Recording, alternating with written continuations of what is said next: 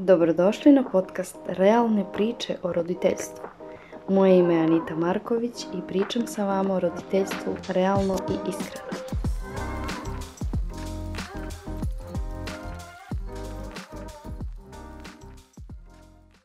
Zamisli sljedeću situaciju. Spremaš dete za spavanje i kažeš mu, ajde dođi vreme da obučemo pidžamu. Dete trči, skače po kući, smeti se u lice. Možda čak počne da viče, neću, neću da spavam, neću da obučem pidžamu. Ti mu ponovo kažeš dođi ovamo, rekla sam ti da dođeš. Ako ne obučeš pidžamu, nećemo sutra da se igramo ili nećemo sutra ići u park.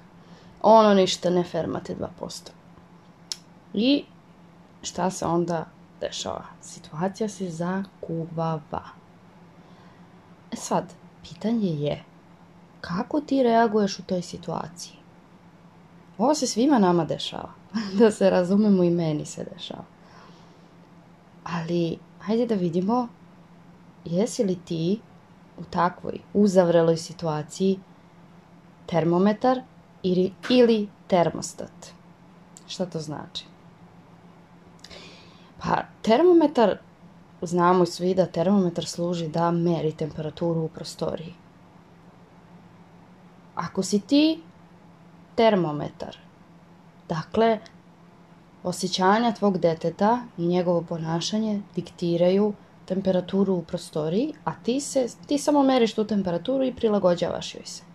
Očitavaš temperaturu i ako je dete nervozno i ti si nervozna. Ako je dete veselo i lepo raspoloženo, onda si i ti vesela i srećna. I onda, kada je dete u ovakvim situacijama jel, neposlušno i ponaša se društveno neprihvatljivo, onda ti kreneš da, da besniš. Kreće ljutnja, kreće nervoza, frustracija, krećeš da vičeš, pretiš, kažnjavaš, možda čak se naljutiš i odeš u drugu prostoriju, kažeš baš me briga, ne moraš mi da spavaš i tako dalje. I onda te emocije eskaliraju. I da li to pomaže da se situacija smiri? Pa ne baš. A kada si termostat, ti zapravo upravljaš temperaturom u prostoriji. Ako je dete nervozno, dakle, previše je porasla temperatura, ti onda malo smanjiš. A ako je dete mnogo disregulisano, dakle, kada je u tom stanju, kada ne može da kontroliše svoje emocije, njemu je potreban termostat. Potreban mu je roditelj koji će imati kapaciteta da ga smiri.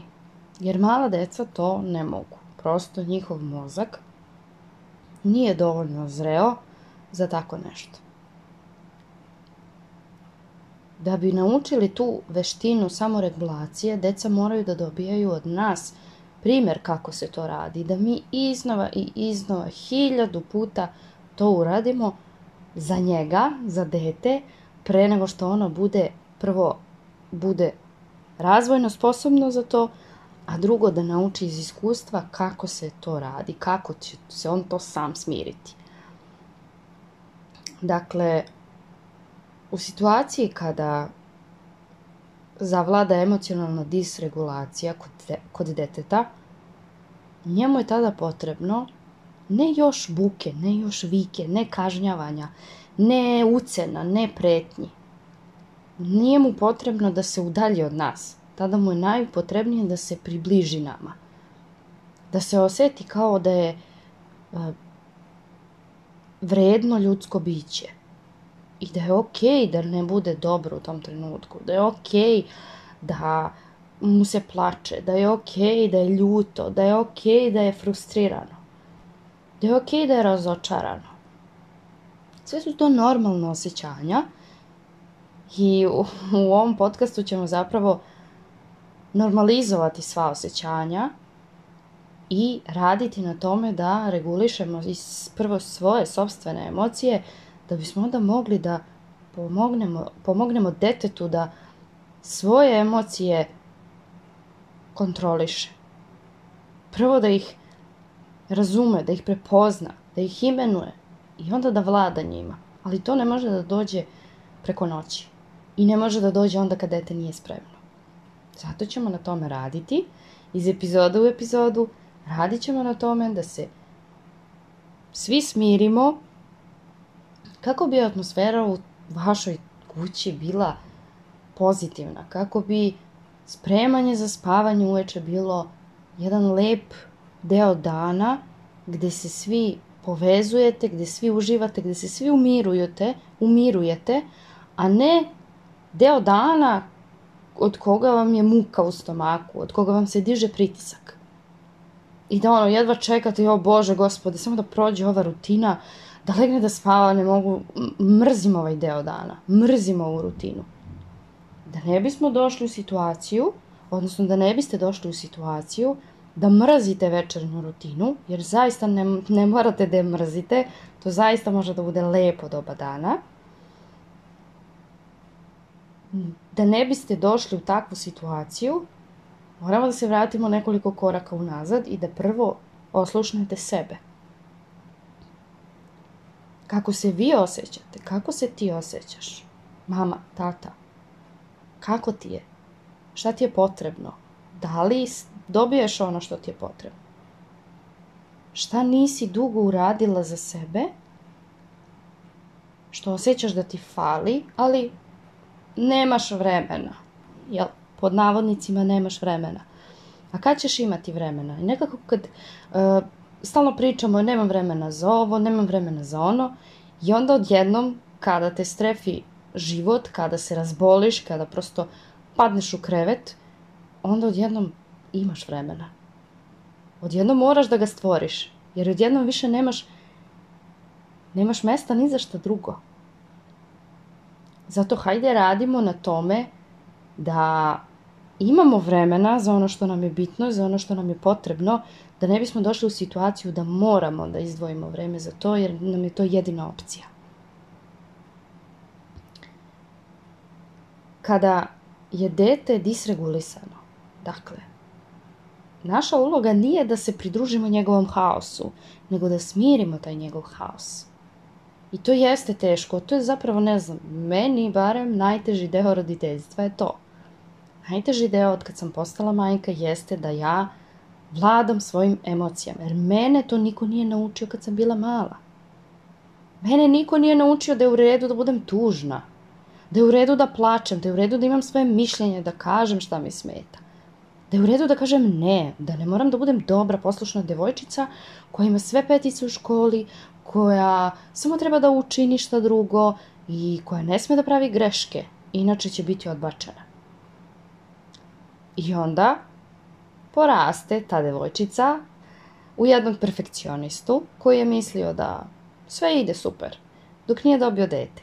A kad je dobio dete, onda je video da ništa nije super i da mora debelo da zasuče rukave da bi poradio na sebi, svojoj glavi, odnosu sa samom sobom, da se prvo poveže sama sa sobom, sa svojim mozgom, sa svojim telom, sa svojim srcem i dušom, da bi moglo da brine o, da bi, da bi ova osoba mogla da brine o drugom ljudskom biću. Jedna velika odgovornost i ja sam želala zaista da to radim svesno i da budem posvećena svom detetu, ali sam isto tako znala da moram mnogo da radim na sebi da bih mogla da budem roditelj kakav želim da budem i da bi moje dete dobilo sve ono što smatram da dete treba da dobije od roditelja, a što ja nisam dobila od oba svoja roditelja. Od jednog jesam, od drugog ne. Mi kao roditelji zapravo je naša velika odgovornost, zapravo jedino je naša odgovornost kakva će atmosfera vladati u kući, u porodici. Mi dirigujemo temperaturu u prostoriji, mi smo ti termostati. Mi treba da budemo termostat. I da onda kada, se, kada je dete uznemireno, da imamo sposobnost da ga smirimo. Svojom smirenošću i svojim, podrazumeva se da smo zrele odrasle osobe, da svojim zrelim nervnim sistemom koji savršeno funkcioniše, tako je priroda uh, savršeno uredila da naš nervni sistem umiruje dečiji nezreli nervni sistem. Ali ako smo mi u haosu, ako smo mi u disregulaciji, onda nećemo moći da smirimo dete. I onda će se dete uspavljivati sat vremena i plakaće i vrištaće i nećeš moći da ga smiriš zato što nisi dobro. I koliko god ti znala da treba da budeš smirena, da treba da budeš opuštena, da bi se dete opustilo, da bi dete zaspalo, sve to stoji. Ali je mnogo teško zapravo doći u to stanje mira. A opet se vraćamo korak unazad, kako da postigneš taj mir?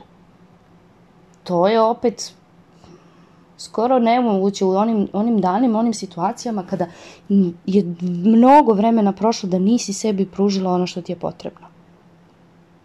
I onda nemaš odakle da iščupaš taj mir, tu smirenost. Koja crna smirenost ako ti nisi tri meseca izašla sama iz kuće? Ako ti nisi, ne znam, godinu dana uradila ništa za sebe, ako nisi stigla da, da opereš kosu na miru, da, da te niko ne zove, da niko ne plače, da niko ne vrišti, da te traži čim uđeš samo u kupatilo. Dakle, te stvari i te kako utiču, kad se sve to nakupi i nagomila i te kako utiče na to da li će se dete, prvo da li će se dete lako uspavati, brzo uspavati i da li će uopšte moći samo da zaspi ili će te tražiti. Zašto te dete traži? Zato što osjeća da nisi dobro, osjeća da nešto nije okej. Okay. Kada, kada si nervozna zato što nisi, a možda nisi ni svesna, ali si nervozna zato što nisi izašla nigde iz kuće sama, bez deteta, ne znam, šest meseci.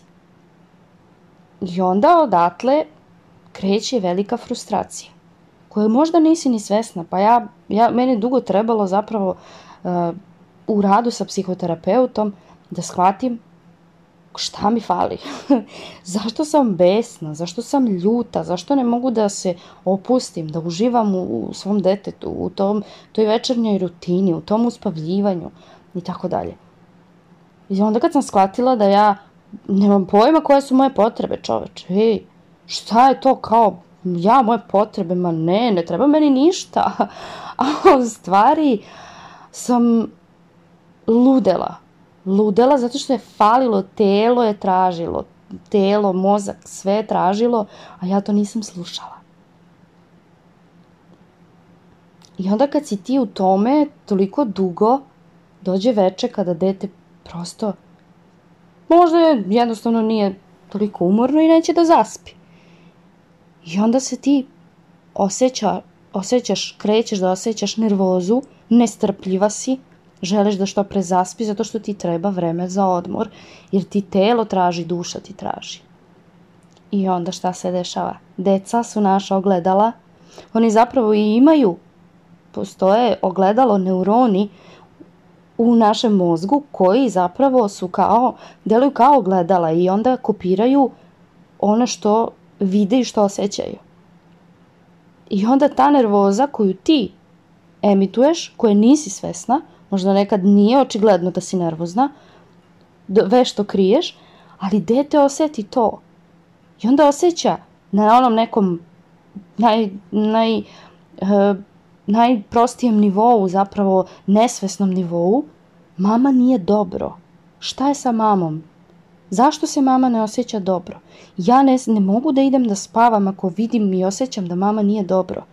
Želim da budem pored nje, jer ako moj osoba koja brine o meni, o mom, mojoj bezbednosti, mom, o tome da li ću ja preživeti, jer zapravo to je najviše, to se najviše manifestuje kod beba, što su mlađi to više to osjećaju, zato što su mnogo zavisniji od nas. Njihov opstanak zavisi od toga da li smo mi dobro. I kada smo u takvom raspoloženju, onda će dete osjećati to I onda neće, bit će anksiozno, bit će nervozno, bit će, osjećać, osjećat će nekakvu strepnju, nemir. I neće moći da se opusti da bi zaspalo. U tome je zapravo svo to, celo to objašnjenje, ono kao, kad si ti nervozna i dete je nervozno. Zbog toga se to dešava. Dakle, da bi, da bi uopšte postigla to da budeš termostat, prvo tvoje potrebe treba da osvestiš, svoje potrebe da osvestiš, da vidiš šta želiš, šta ti je potrebno i kako ćeš to da kreneš da ostvaruješ i vidjet ćeš kako će polako klupko da se odmotava.